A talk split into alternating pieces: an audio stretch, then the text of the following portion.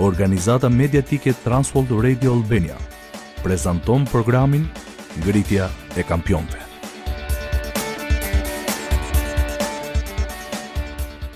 Mirë se vini në Ngritja e Kampionëve. Unë jam Albani dhe jam këtu në studio me Pjerinin. Sot do të vazhdojmë diskutimin se si ta trajtojmë paranë biblikisht. Dua t'ia nis me këtë pyetje për ty.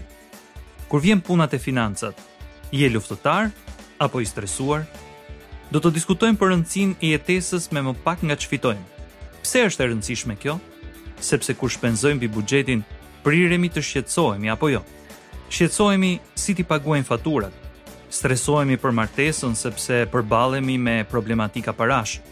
Do të donim të harxhonim më pak nga ç'fitojmë, por a është e mundur kjo?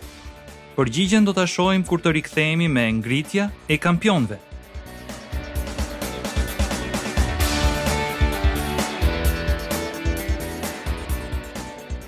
Pjerin, jam shumë i kënaqur që po flasim për këtë temë. Mendoj se shumica e burrave përballen me vështirësi në këtë pikë. Mendoj se ke të drejtë. Dy burra të tillë ndoshta ndodhen edhe në këtë dhomë. Pyetja jote ishte e shkëlqyer. Në fushën financiare jemi luftëtarë apo të stresuar? Tundimi për të jetuar mbi buxhetin që kemi, shpenzimi më shumë nga ç'na e mban xhepi është më i madh se kurrë më parë. Shumë e shumë burra dorëzohen para atij tundimi dhe si rrjedhojë bëhen të stresuar. Pse ndodh kjo Pjerin?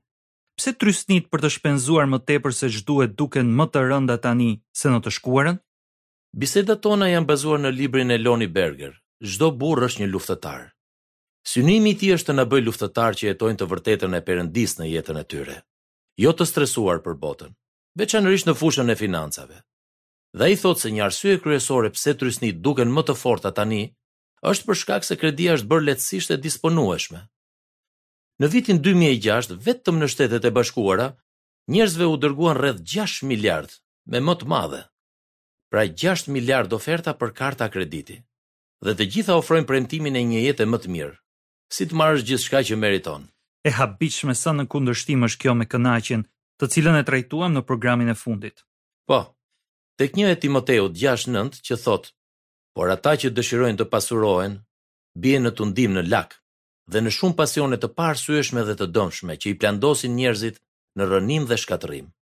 Aty ku vargu thotë dëshirojnë të pasurohen, mund të thoshin fare leht dhe dëshirojnë më tepër gjëra.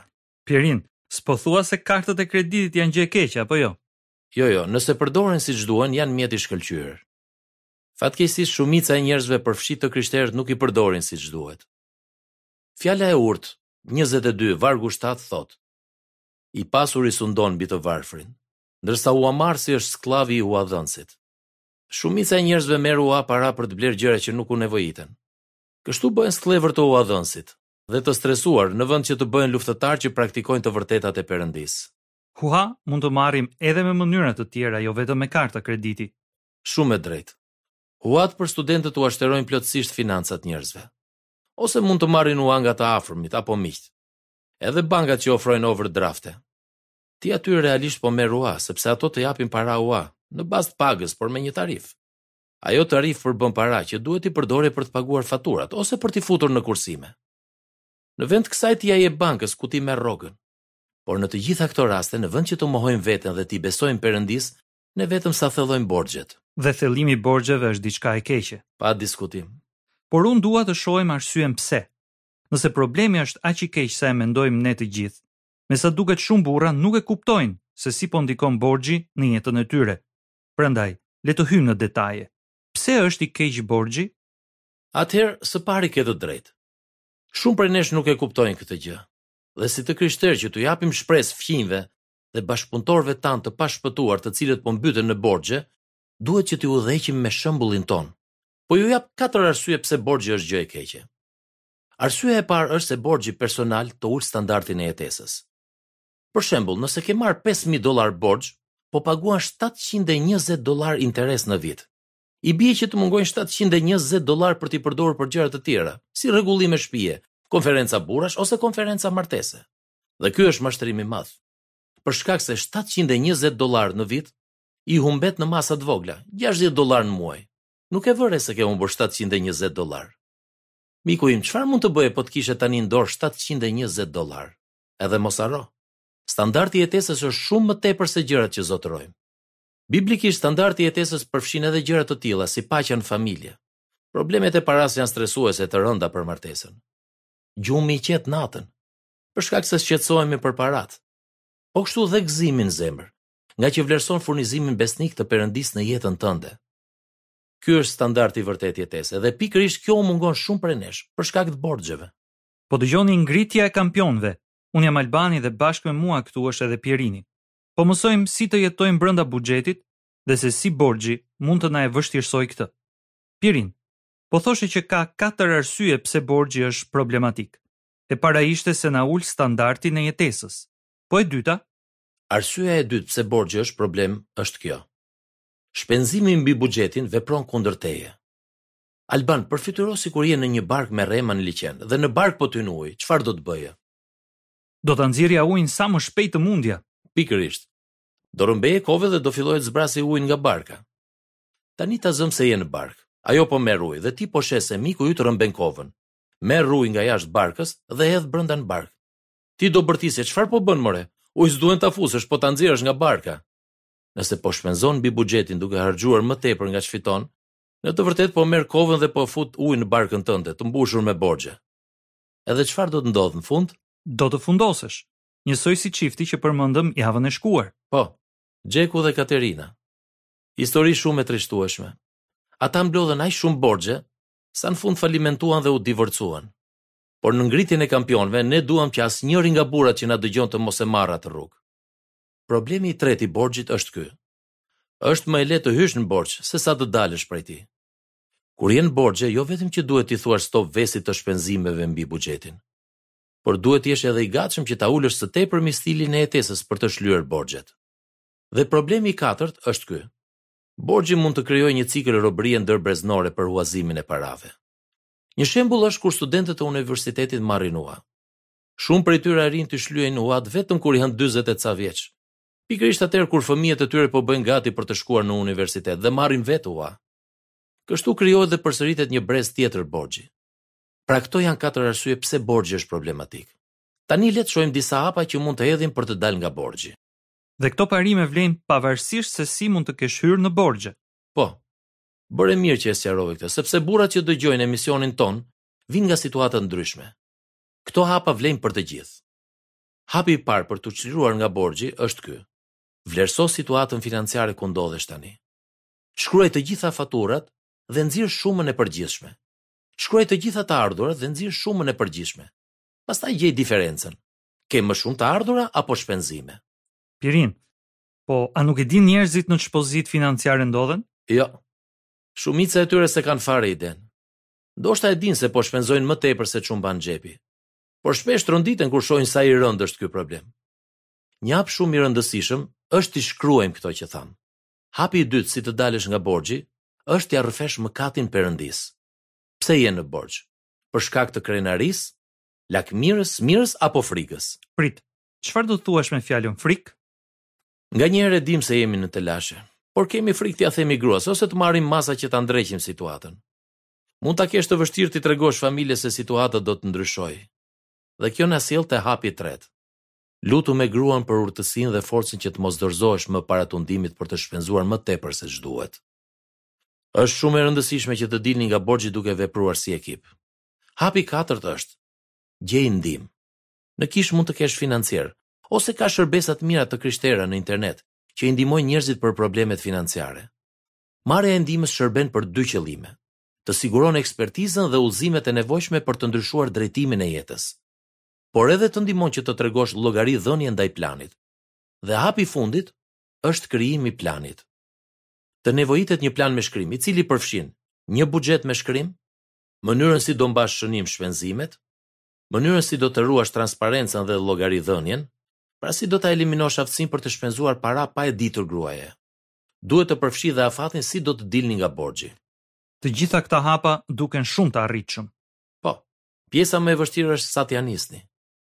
Por lajmi i mirë është se Perëndia dëshiron të të ndihmojë. Prandaj dhe koha e qetë me Perëndinë ka kaq shumë rëndësi.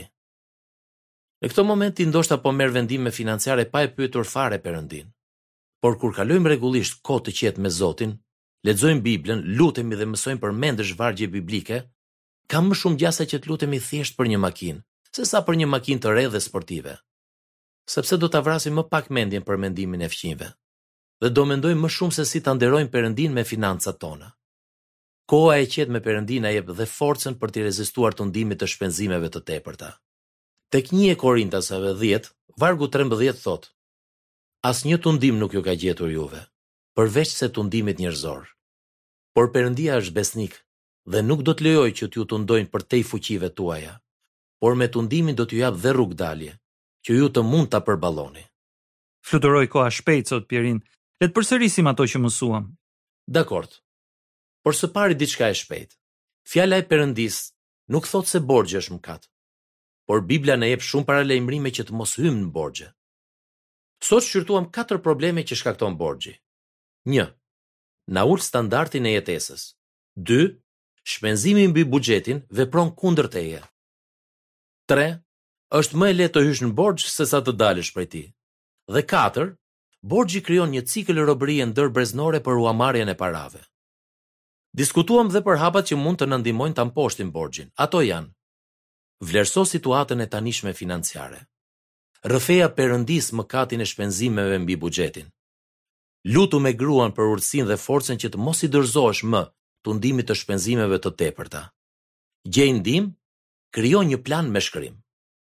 Borxhi presupozon idenë se e ardhmja është e garantuar se do të jetë e sigurt. Por të gjithë e dimë se kjo s'është e vërtetë. Ndodhin gjëra të papritura. Humbet vendin e punës, vijnë sëmundjet, kryen riparime të papritura. Kur varemi nga të ardhurat e supozuara dhe jo ato reale, Mund të hasim në telashe të rënda kur të na ndodhin situata të tilla. Prandaj miku im futja në borxh është e lehtë, kurse dalja prej tij është e vështirë. Ndoshta gruas ose familjes tënde i pëlqen situata ku ndodhemi. Por si udhëheqësi shpirtëror i familjes, ti duhet të marrësh këshilla të perëndishme, si të ndërmarrësh hapat e duhur për ta futur sërish familjen tënde në udhën biblike të qëndrimit ndaj parasë. Faleminderit, Pierin. Më kujtohet ajo që thotë libri i Jakobit kapitulli 4. Dhe tani, ju që thoni, sot ose nesër do të shkojmë në atë qytet dhe do të rrimë atje një vit, do të tregtojmë dhe do të fitojmë, ndërsa nuk dini për të nesërmen. Sepse ç'është jeta? Është avull që duket për pak dhe pastaj humbet. Në vend që të thoni në dashtë Zoti dhe në paçim jetë, ne do të bëjmë këtë ose atë gjë. Ju përkundrazi, mburreni në arrogancën tuaj, Çdo mburrje e tillë është e keqe. Ai pra që di të bëjë të mirën edhe nuk e bën, bën mëkat. Miku im, ti e di se ç'duhet të bësh. Të inkurajoj ta marrësh seriozisht mësimin e sotëm. Dëgjoje sërish këtë emision dhe merr masa sot për të jetuar brenda buxhetit që ke. s'ke pse je më i stresuar për zbatimin e të vërtetës së Perëndisë në fushën e financave.